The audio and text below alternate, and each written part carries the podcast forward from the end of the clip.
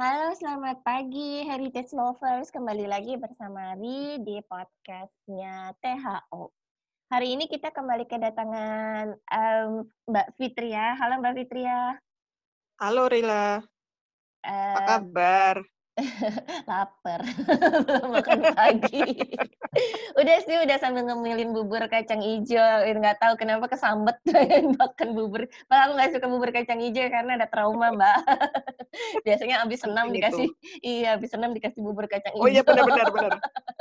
benar benar benar. Aku ya. hafal banget itu ya kacang iya, hijau. kacang hijau atau indomie. Itu masa lalu ya. Tapi berkesan gitu berhubung stok Indomie lagi sekarat jadi pilihannya cuman ya udahlah buat bubur kacang hijau. Mbak Fitri udah sarapan?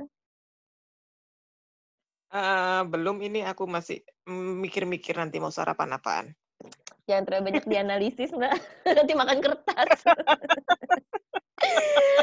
Oke, okay, jadi uh, terima kasih nih atas artikelnya di uh, website THO jadi tentang um, museum nih. Nah, ini sangat menarik uh, ketika saya baca. Jadi Mbak Fitri ini bercerita tentang masa kecilnya yang suka mengunjungi museum.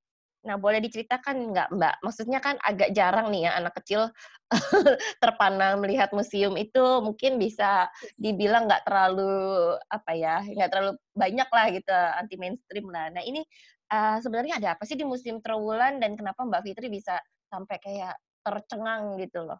Boleh diceritakan nggak Mbak? ya, ini uh, awalnya itu dari acara SD. Waktu itu ada program Dharma Wisata.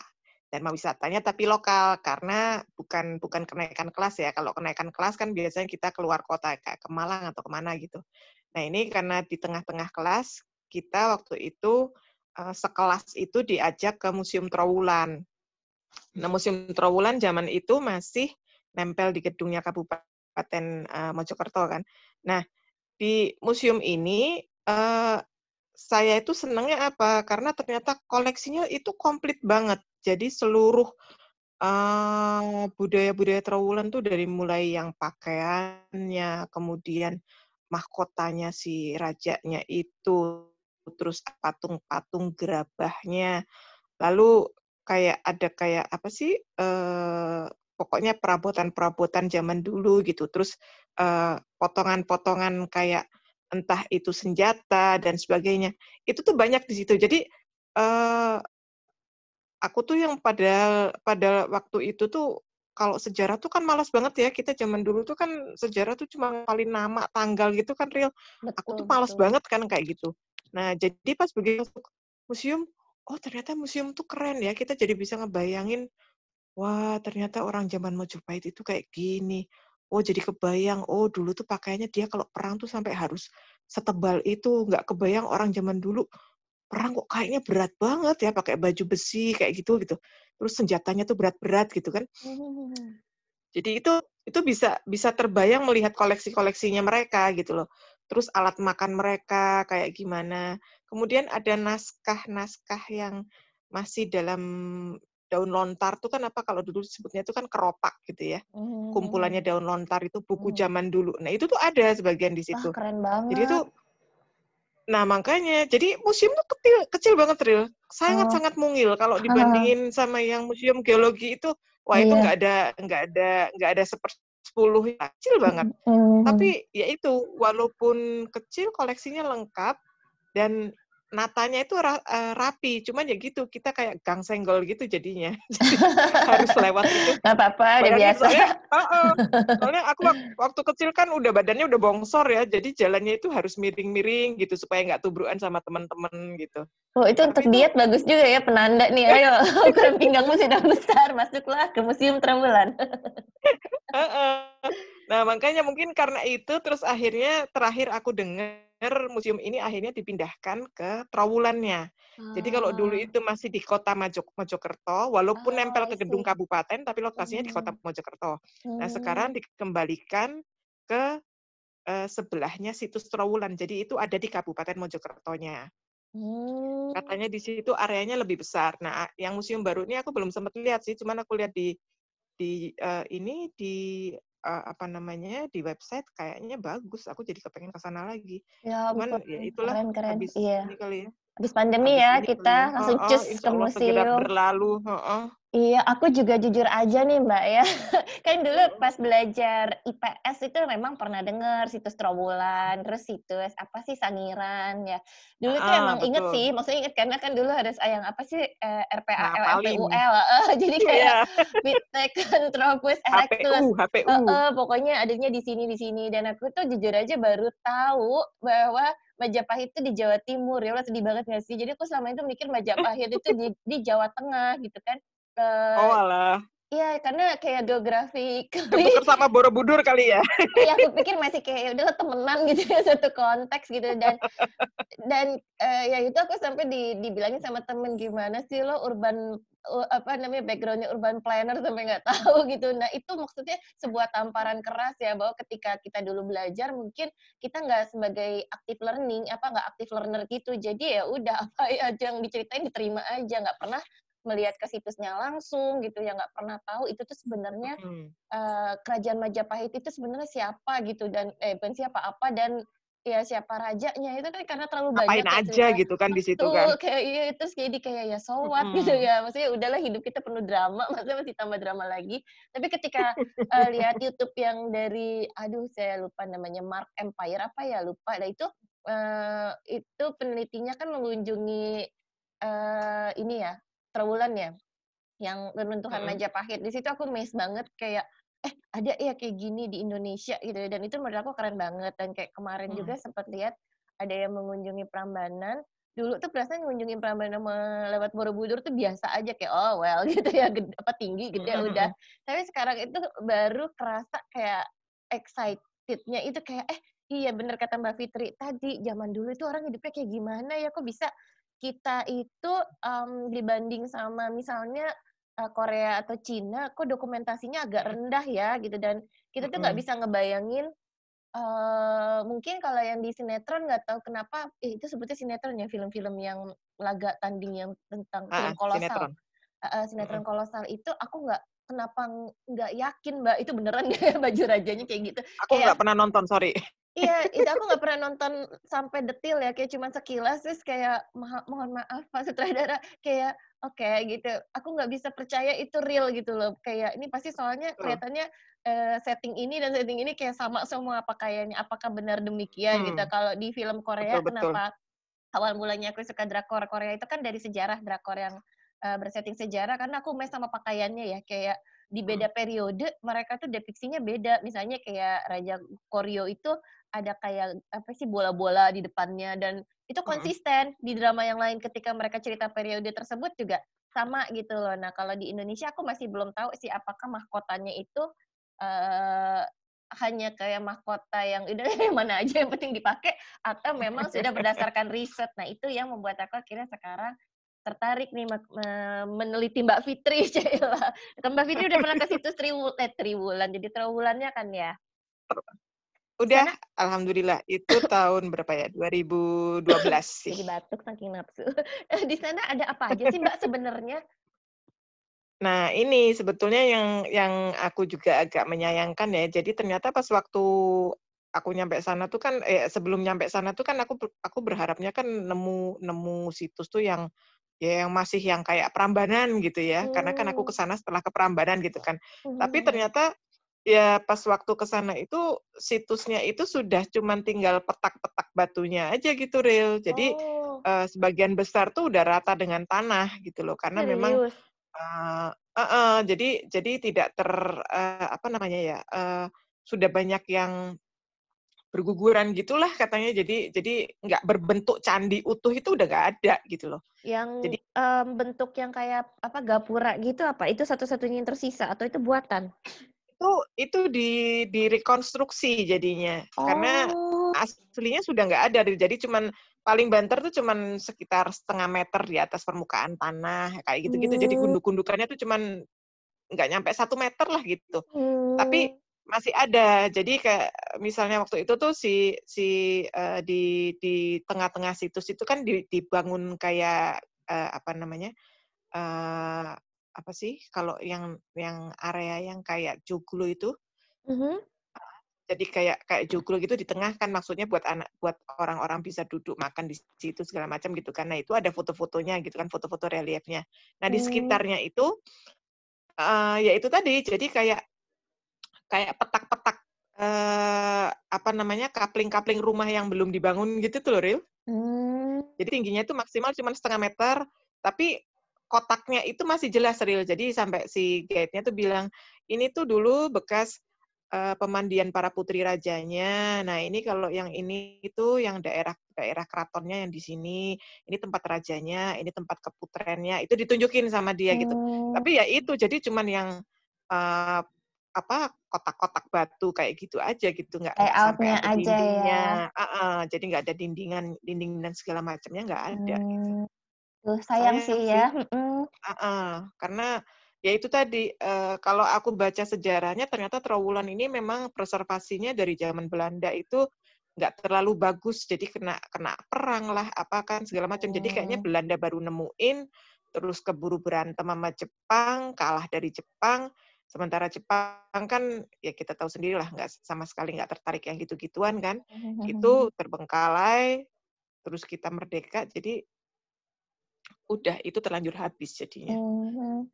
Sayang sebenarnya, tapi ya itu Heeh. peringatan ya buat kita semua bahwa, eee, suatu hari kalau kita nggak punya awareness terhadap kekayaan heritage kita, ya generasi penerus juga hanya melihat petak-petak gitu ya. Jadi kan memang Mhm. Cagar budaya itu, eee, mengalami banyak resiko ya. Jadi entah itu apa, nggak hanya perang gitu, pembangunan ataupun juga perubahan ideologi kan bisa aja gitu. Ada yang menganggap bahwa ini nggak boleh ada di sini nih, menyalahi prinsip-prinsip misalnya, itu jadi hilang, kan banyak kasusnya di dunia. Padahal, eee, kalau menurut aku pribadi sih itu apa pun bentuknya tidak akan mengubah ideologi kita seharusnya ya, kalau kita punya prinsip yang kuat gitu. Tapi itu kan sebuah bahan pembelajaran, eee, di mana Betul. misalnya kayak zaman dulu itu mereka itu punya teknologi apa sih untuk membangun, Nah, bangunan setinggi itu, iya. itu menurut aku masih amazed loh, maksudnya dulu Betul aku betul. belajar fisika aja katrol-katrol itu udah pusing gitu, kebayang nggak sih orang zaman dulu belum nemuin Nah, formula, atau mereka makanya. udah nemu kali ya, justru Heeh. mmm, justru kita yang jadi Iya, itu jadi aku tuh baca itu jadi jadi, eee, kagum banget tuh apa, pas waktu baca yang Candi Borobudur sama Prambanan ya, Mhm. ternyata perekatnya itu dari putih telur loh, Nah iya, kita dimakan. Makanya nggak Iya, pinter-pinter. makanya. Terus ak terus aku sampai ngebayang, itu Borobudur ada berapa kuintal telur gitu. Diam diam ayam, ibu ayam maafkan kami. Terus kok bisa kok bisa ini ya, bisa bertahan, maksudnya kan kena hujan, apa segala macam, kok Nah putih itu, telur bisa mengangkat misterius batu ya. seberat itu. Kemudian Nah. bagaimana mereka membawa batu setinggi itu, seberat itu, gitu. Nggak kebayang gua asli gitu. Iya, presisi juga kan, maksudnya Heeh. ya ampun ya kita coba praktek prakarya aja disuruh motong triplek Orang zaman miring. mhm, orang zaman sekarang aja gua yakin belum bisa tuh bangun kayak Borobudur. Nah, itu.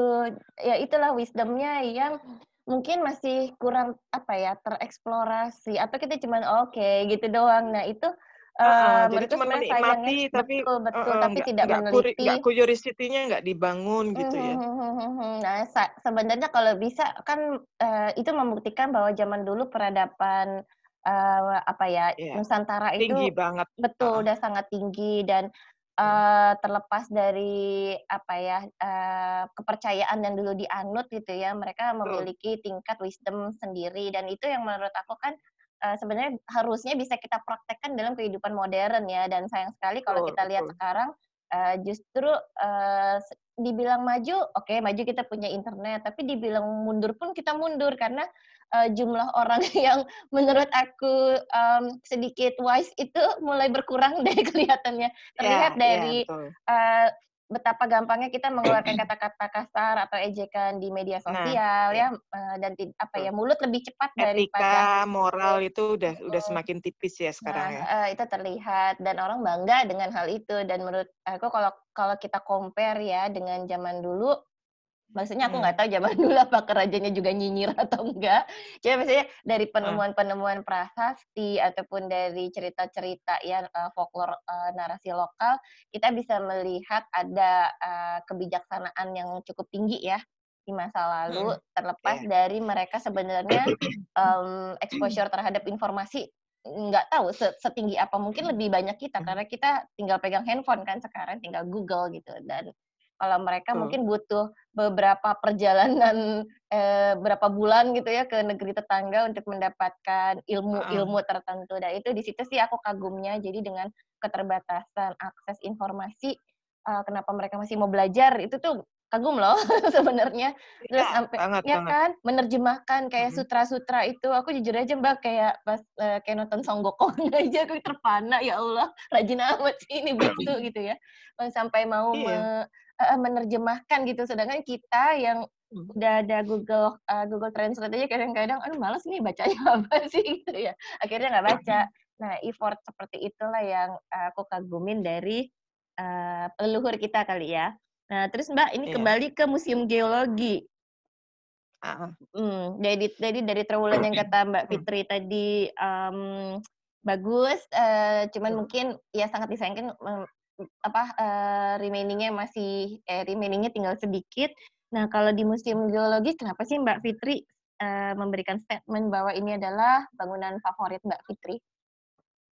Nah, soalnya gini, eee, kan tadi dari yang pertama kali di SD itu, itu kan aku pertama kali jatuh cinta sama museum ya, Ril, ya. Mhm mhm. Nah, terus, eee, setiap aku ke mana-mana, aku selalu menyempatkan diri ke museum, ya. Mhm. Nah, sampai kemudian tapi di waktu aku SD sampai SMA itu, di kotaku tuh kan museumnya cuman 1 itu aja. Jadi jadi nggak nggak nggak bisa ke mana-mana juga, gitu kan. Mhm. Terus aku jarang kalau ke misalnya main ke Surabaya, paling banter aku cuman ke toko buku aja, karena toko bukunya Mmm. di sana lebih lengkap daripada di di, eee, kotaku, gitu kan. Mhm. Nah, jadi eee, baru mulai jalan-jalan sendiri ke museum, karena kalau jalan kelua sama keluarga, pasti nggak ada yang ke mau mau ke museum, paling banter ke Taman Mini Indonesia Indah, itu kan Mhm. bukan museum ya, cuman lihat Mhm. rumah adatnya aja, gitu ya. Jadi, eee, kalau jalan-jalan sendiri, pertama kali ya itu, ke Museum Geologi. Dan aku tuh sukanya apa, karena Museum Geologi ini, eee, ini kita bicara tahun 90-an ya. Pada saat itu dia sudah sangat menurutku sudah sangat canggih ya, maksudnya kan, eee, benchmarking-nya kan cuman, eee, museum yang, eee, di Trowulan tadi eh, Museum Trowulan yang di Mojokerto tadi kan. Jadi, Mhm. kalau membandingkan dari yang sebelumnya itu hanya menyampaikan display, kalau di sini, yang pertama kali bikin aku amazed banget itu si replika dinosaurus yang tergantung di tengah-tengah itu. Oh iya, itu Itu keren langsung, banget. Mhm. wah, aku udah langsung, wah, ini bener-bener museum sejak itu tuh aku langsung, "Ini museum gue." Langsung. Banget Karena banget banget. waktu itu belum ada Jurassic Park dan begitu ngelihat begitu datang kita masuk ke ruang pamer, disambut dengan si dino ini tergantung, eee, dengan tulang yang lengkap, gitu kan. Mmm, Bentuk mhm. belum bener-bener berbentuk duna dinosaurus dengan dengan kalau nggak salah dia tingginya sekitar 20 meter ya itu display-nya itu, aku lupa nanya waktu itu. Mmm, aku kalau Kayak ke museum nggak pernah bawa penggaris, Mbak. Enggak, aku waktu itu waktu itu aku nanya eh, sorry, aku nanya tapi aku lupa jawabannya. Kalau nggak salah sekitar 20 meteran itu itu Mmm. tingginya, si si dino ini. Mmm. Dan si bapaknya waktu itu bilang, "Ini Bapak siapa? Bapak replika di" dinosaurus? Bapak Bapak Museum Geologi, kita panggil aja Pak MG ya. oh, Pak oke. MG ini kemudian bilang, eee, "Ini Mbak, ini adalah replika dinosaurus saat ini yang terlengkap se-Indonesia." Eh, serius? Keren. jadi, eee, belum ada, kalaupun ada biasanya hanya potongan-potongan. Dan aku juga sempet ngelihat di museum yang Purbakala yang di Trowulan itu, Ril, yang pas aku masuk SD Mhm itu, mhm. ada, cuman kayak telapak jarinya si dinosaurus. Jadi dia memang tidak the whole body gitu loh. Mmm. Jadi makanya pas itu tuh aku ngelihatnya, oh ya, wah keren ya, oh oh ternyata ada ya dinosaurus tuh ternyata beneran ada gitu maksudnya. Di Jadi di Indonesia ada ya? E heeh, ada, iya, ada. Jadi, Oh. aku lupa waktu itu dijelasin di sebelah mananya, tapi itu ternyata Keren. memang benar dinosaurus yang ada di Indonesia gitu loh. Dan di Oh. seluruh museum di Indonesia saat itu yang punya replika dinosaurus lengkap the whole body itu hanya di Museum Geologi. Keren keren keren. Jadi kebayang nggak sih gimana, eee, aku yang masih baru masuk kuliah gitu kan, itu sudah terpesona abis terus akhirnya makanya begitu ngelihat si si si dinosaurus itu yang tadinya aku masuk museum itu cuman ah lihat-lihat aja batu-batu gitu kan bla bla bla begitu ngelihat itu terus aku langsung ngedatengin si penjaganya langsung Pak Pak sebentar Pak saya mau nanya Pak. Jadi dia lagi jaga pintu aku keret ke dalam. Keren. ini siapa? Ini jenisnya apa? Ini apa segala macam gitu karena itu kan benar-benar tergantung di langit-langit nggak ada Betul, penjelasan ya. jadi aku nyari dari penjelasannya nggak bisa kelihatan juga karena nah itu Hmm. yang aku keselnya eh bukan aku keselnya ya. Yang aku nggak sukanya museum kita tuh remang-remang banget ya. Jadi aku sampai kenapa sih masih segelap ini? Gitu pak.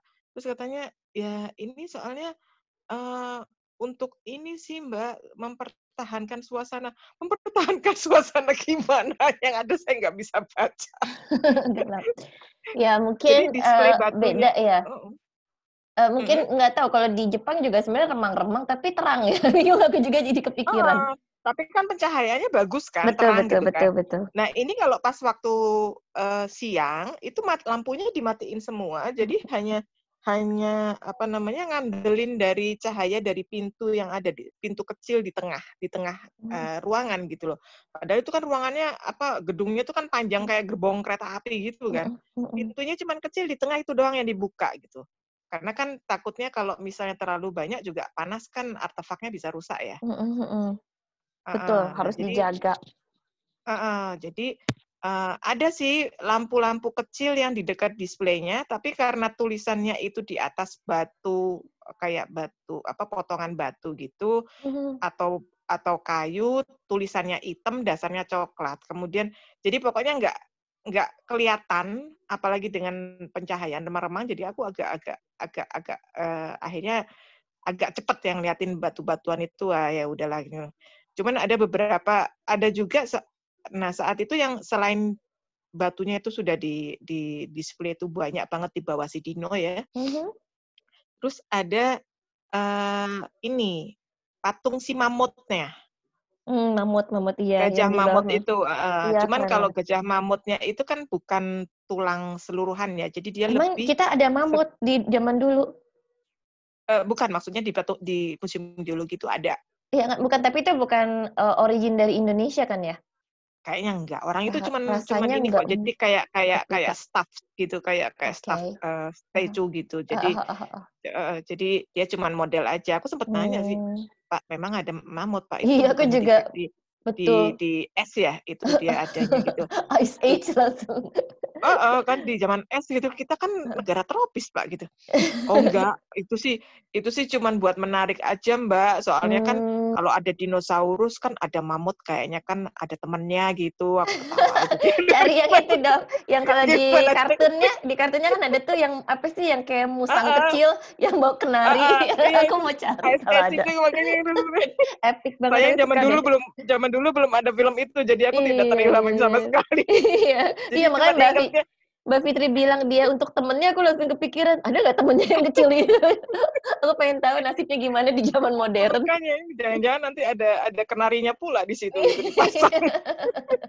Keren banget kalau sampai ada. Tapi bener sih aku juga kalau ngeliat museum ya udah ada tulang dinosaurusnya aku udah nggak konsen pengen ku kunjungin. Jadi salah satu wishlist aku itu pergi ke museum dinosaurus yang di Fukui, Mbak, di Fukui Jepang.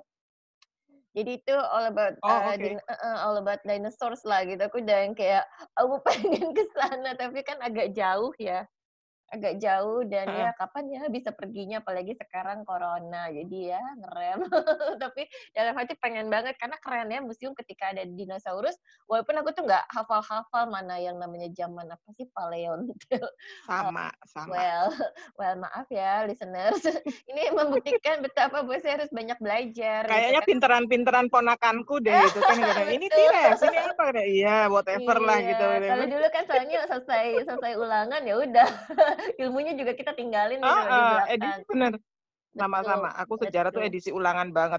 iya di ulangan udah selesai ya udah kita harus move on Heeh. life goes on gitu ya ceritanya. Ya, jangan di, jangan ditiru ya listeners yang masih SD, SMP, SMA. Iya. Yang ini eh, bibi-bibinya kurang baik memberi Oke, contoh. ini. Ini sejarahnya aliran sesat semua ini. Betul betul betul betul betul. aliran betul, betul. nilai doang. Nah, terus oke pertanyaan terakhir nih sebelum kita kembali ke meja makan. Laper. Ini, uh, apa sih yang paling Mbak Fitri suka dari Museum Geologi itu sendiri dan apa yang Mbak Fitri harapkan, uh, ke depannya bakal banyak museum-museum yang mengimprovisasi ya kondisinya, itu kira-kira bisa diceritakan nggak, Mbak? Uh, yang pertama bersih, terawat. Terus displaynya itu uh, diatur berdasarkan urutan tahun, sekuensial. Jadi kita benar-benar belajar sejarahnya itu dia sampai yang lapisan sekian ratus bu tahun bumi, lapisan sekian ribu tahun bumi, itu tuh berurut real. Hmm. Karena dia hmm. memang museum geologi ya. Jadi itu hmm. kita bisa ngelihat, oh ini lapisan bumi uh, usia berapa tahun, ini usia berapa tahun itu berurut. Jadi sekuensialnya itu jelas. Nah, kemudian uh, kan ada ya yang kayak misalnya museum tuh oh pokoknya asal ditaruh di display gitu ya, nggak jelas itu zamannya apa, dicampur aduk gitu kan. Nah, itu tuh kan bikin pusing kan jadinya kita hmm. ini ini sebetulnya satu zaman nggak sih, satu periode nggak sih gitu kan.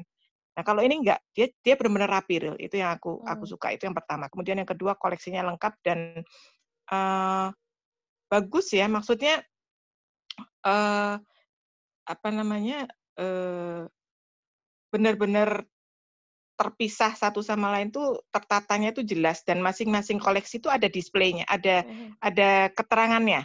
Jadi misalnya oh. batu ini tuh apa sih? Batu ini diketemukan di sini tahun segini, dia menceritakan apa itu ada satu-satu. Semua ada oh. labelnya.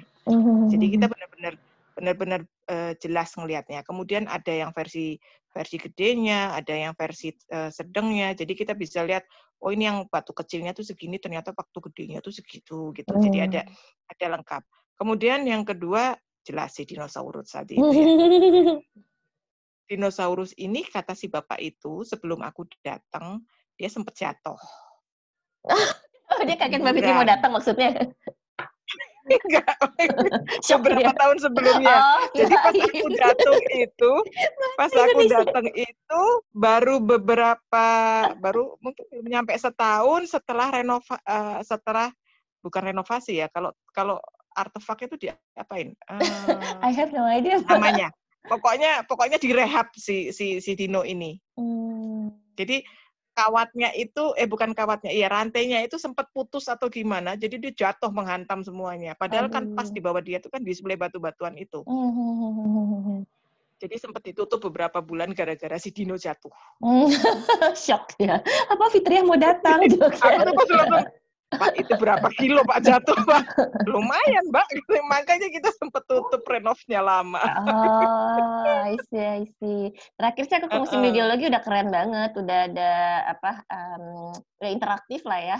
Udah keren. Iya, ada video-videonya aku kemarin lihat di websitenya kan ada ternyata dan sekarang udah terang ya, udah terang ya, benderang. Keren, keren. Terus ada apa namanya penjelasan yang video-video gitu.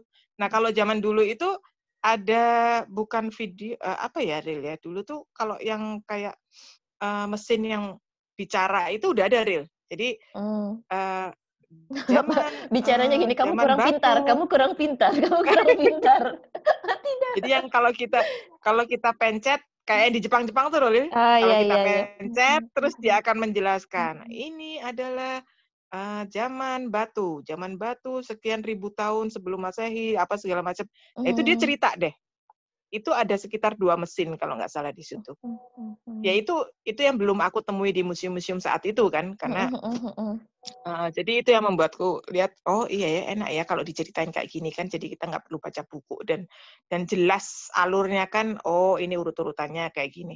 Ya aku kan dulu kan udah apa zaman Pleistosen eh, apa segala macam itu kan udah lupa kan ya zaman batu zaman apa gitu. Mm-hmm. ya itulah edisi ulangan. Jadi ini mm. yang aku salut adalah itu tadi. Jadi dan walaupun dia jarang dikunjungi itu ruangannya itu nggak bau pengap atau apa gitu nggak real. Jadi dia memang perawatannya sangat sangat bagus. Itu yang aku salut. Karena banyak museum-museum yang di Indonesia itu yang aku lihat walaupun misalnya terang benderang, koleksinya bagus, tapi kemudian dari sisi perawatan kebersihannya dia jelek banget. Hmm. Sampah di mana-mana. Sampahnya itu yang nggak terlalu nyampah banget sih, tapi misalnya Ya saya ya aku yang agak malas itu ini ya, kenapa pengunjung-pengunjung kita itu kok kayaknya nggak bisa banget gitu ya kalau nggak buang sampah sembarangan gitu ya. Padahal udah mhm. disiapin tempat sampah di pintu masuk, eh nanti di tengah-tengah display ada botol Aqua lah, eh ada botol air mineral lah, ada kemudian kertas-kertas tiketnya itu berantakan. Eh ini nggak bersih. Jadi walaupun nggak ada Mhm. orang tetap bersih. Itu yang aku Iya. suka banget. Mhm. Ya itu kembali lagi ke manner tadi ya, kita ngomongin kita Heeh, semakin betul. maju, pembangunan mungkin lebih banyak, mmm, apa, bangunan-bangunan fisik, tapi Mhm. ya itu, masih. Oh SDM-nya ya perlu perlu diperti Heeh. Oh ya satu lagi, Ril. Mhm. Ini si si yang, Pak MG-nya ini, Mhm. bapak yang menjaganya ini, dia menjelaskannya detail banget. Keren Jadi dia keren. benar-benar tahu sejarah. Nah, itu yang belakangan ini aku lihat kalau orang jaga museum belum tentu dia tahu koleksinya itu apa. Ini yang fatal. mhm. Harusnya kan dia bisa menjelaskan ya. Mhm. Jadi, eee, si bapak tuh benar-benar bisa menjelaskan dari A sampai Z. Ngomongin satu Mmm. batu aja dia bisa lama. Keren keren. Ini ya, jadi dari lapisan itu, ini begini begini. Saya sampai, "Ya Allah, ini cuman satu satu satu batu aja 5 menit apa, berapa menit, gimana kalau seluruh batu? Bisa-bisa gue nggak pulang-pulang." Jadi dia benar-benar mengetahui koleksinya dan itu yang mungkin harusnya ada di seluruh museum ya. Sekarang kan menjaga itu cuman statusnya penjaga museum tuh hanya sekedar membersihkan, merawat. Padahal kan dia harusnya juga tahu apa kisah di balik koleksinya gitu kan. Sehingga kalau ada orang nanya, dia bisa menjelaskan. Karena kan nggak semua orang bisa paham berdasarkan display singkat yang ada di koleksi itu kan. Ya, betul. Betul. Nah itu, jadi itulah yang aku suka dari Museum Geologi itu dan terutama juga ini, karena gedungnya gedung zaman Belanda. Oh iya Jadi itu. aku ke situ keren. itu sekaligus mempelajari 2 hal. Nggak hanya cuman isinya, tapi juga gedungnya sendiri. Aku dari dulu Mhm. seneng banget sama sama gedung-gedung zaman Belanda tuh kan yang gede, terus udah gitu ventilasinya bagus, terus, eee, temboknya yang setebel-tebel apa, ubinnya setebel-tebel apa itu kan. Itu tuh seneng banget gitu. Jadi kayak masuk ke gedung itu tuh kayak kayak masuk ke masa lalu gitu loh. Wes, Apalagi isinya dinosaurus kan, Wah, jadi keren, nggak nyambung sih. wah udah bener-bener deh, aku sampai merinding ngebayangin pengen ke sana lagi jadinya. Eee, iya, aku kan soalnya dulu juga sekolahnya itu di bangunan, eee, tua ya. Jadi, eee, waktu di Jakarta SMP, well itu sekolah tua juga sih, cuman bangunannya, eee, mungkin arsitekturnya kurang, apa ya, mmm, ya biasa ajalah ya, Heran. maksudnya, eee, nggak modern sih, sebenarnya itu cukup, mmm mmm, depannya itu sepertinya, eee, peninggalan dari masa lalu, tapi, Mhm. that's it gitu loh, belakang-belakangnya mungkin kurang ada karakter. Nah, ketika pindah ke SMA yang di Bandung, kebetulan itu juga salah satu bangunan peninggalan Belanda dan kebayang ngelihat pilar-pilar yang gede gitu ya, eee, terus Mhm. jendela-jendelanya juga gede gitu. Wah, aku tuh Betul kayak betul. banget, walaupun aku nggak senang sekolah ya, jujur aja, karena, eee heeh, yang kontennya menurut aku terlalu nggak masuk akal sih saat itu. Cuman di sisi lain aku menikmati ting eh, tuh bukan tinggal, ya tinggal di Bandung iya gitu, karena banyak banget bangunan-bangunan peninggalan kolonial yang romantis ya. Kita ngelihatnya aja kayak tahu ini orang arsiteknya berpikir gitu loh, maksudnya berpikir Heeh. sangat filosofis lah gitu ya, ada ada ada Mhm. pergulatan batin dalam menciptakan bangunan ini gitu.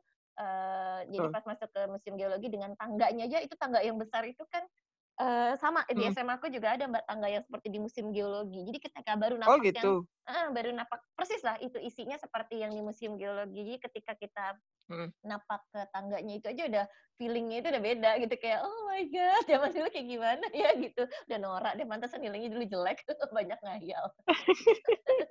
Tapi aku paham sih kenapa aku cinta Bandung. Mungkin Mbak Fitri juga merasakan yang sama ketika kuliah di Bandung ya, Mbak, ya, bahwa, Betul kota betul. Bandung itu spesial dalam konteks kayak peninggalan kolonialnya tuh masih, eee, banyak yang bisa kita lihat gitu ya, dan beberapa Iya. terpelihara dengan baik sih gitu, karena di digunakan ulang.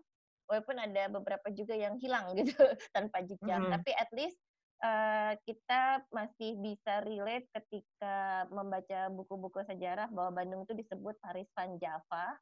Ya karena ketika kita lihat bangunannya aja, ih udah secantik ini ya gitu, nggak heran orang uh, jatuh cinta gitu hmm. yang bangunan-bangunan bergaya art deco-nya itu memang spesial sih kalau menurut aku. Jadi hmm. so far sampai sekarang walaupun udah ke berbagai kota, aku tetap habitat favoritnya di kota Bandung.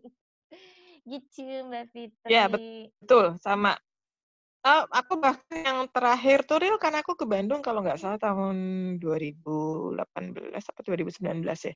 Itu aku aku ikutan ini real yang uh, apa wisata Bandung yang naik kereta itu loh. Eh, oh, eh naik naik ya naik tram naik, itu. Naik bus kecil itu ya. Eh. Apa namanya aku lupa. Bis kecil oh ya kok kok ya kok kereta. Nah, bis aku kecil tapi dibentuk kereta. kayak tram gitu kan. Aha, aha. Uh, sorry sorry.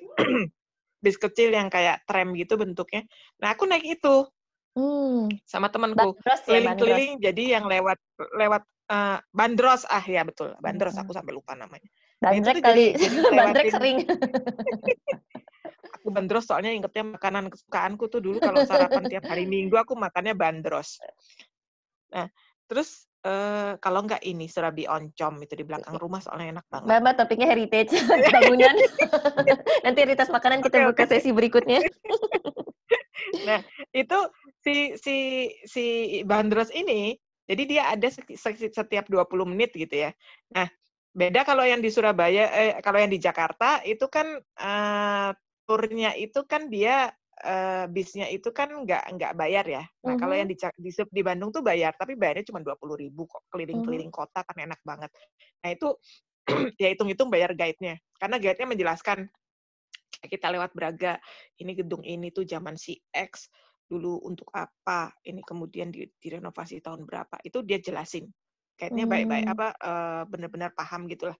Jadi uh, dan itu menurutku bagus banget karena Bandung, Bandung kan memang seperti kata Rila kan gitu. Nah Surabaya kan juga udah punya itu, cuman sampai Hmm. sekarang aku malah belum sempat itu yang Surabaya udah keburu pandemi.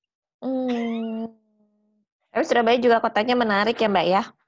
uh, dan banyak kota tua juga, uh, banyak hmm. kota la apa bangunan lama juga. Jadi dia kayak kayak Semarang, ada lokasi kota tuanya juga. Eh, hmm. kota tua, kota lama. Kota lama ya, kawasan uh, kota lamanya. Duh, ada dan itu masih dijaga sampai sekarang. Jadi kalau lewat situ tuh kita kayak lompat dari tahun 2020 mundur ke berapa puluh uh, tahun ke belakang gitu, Real. Keren, Begitu keren. masuk ke jalanan itu karena dia masih seperti itu sama persis ya kita harus ada sesi uh, sendiri Mbak ngomongin heritage Surabaya nih abis ini. siap, Pasti seru-seru. Uh, uh, uh. Oke, terima kasih untuk waktunya hari ini Mbak Fitri.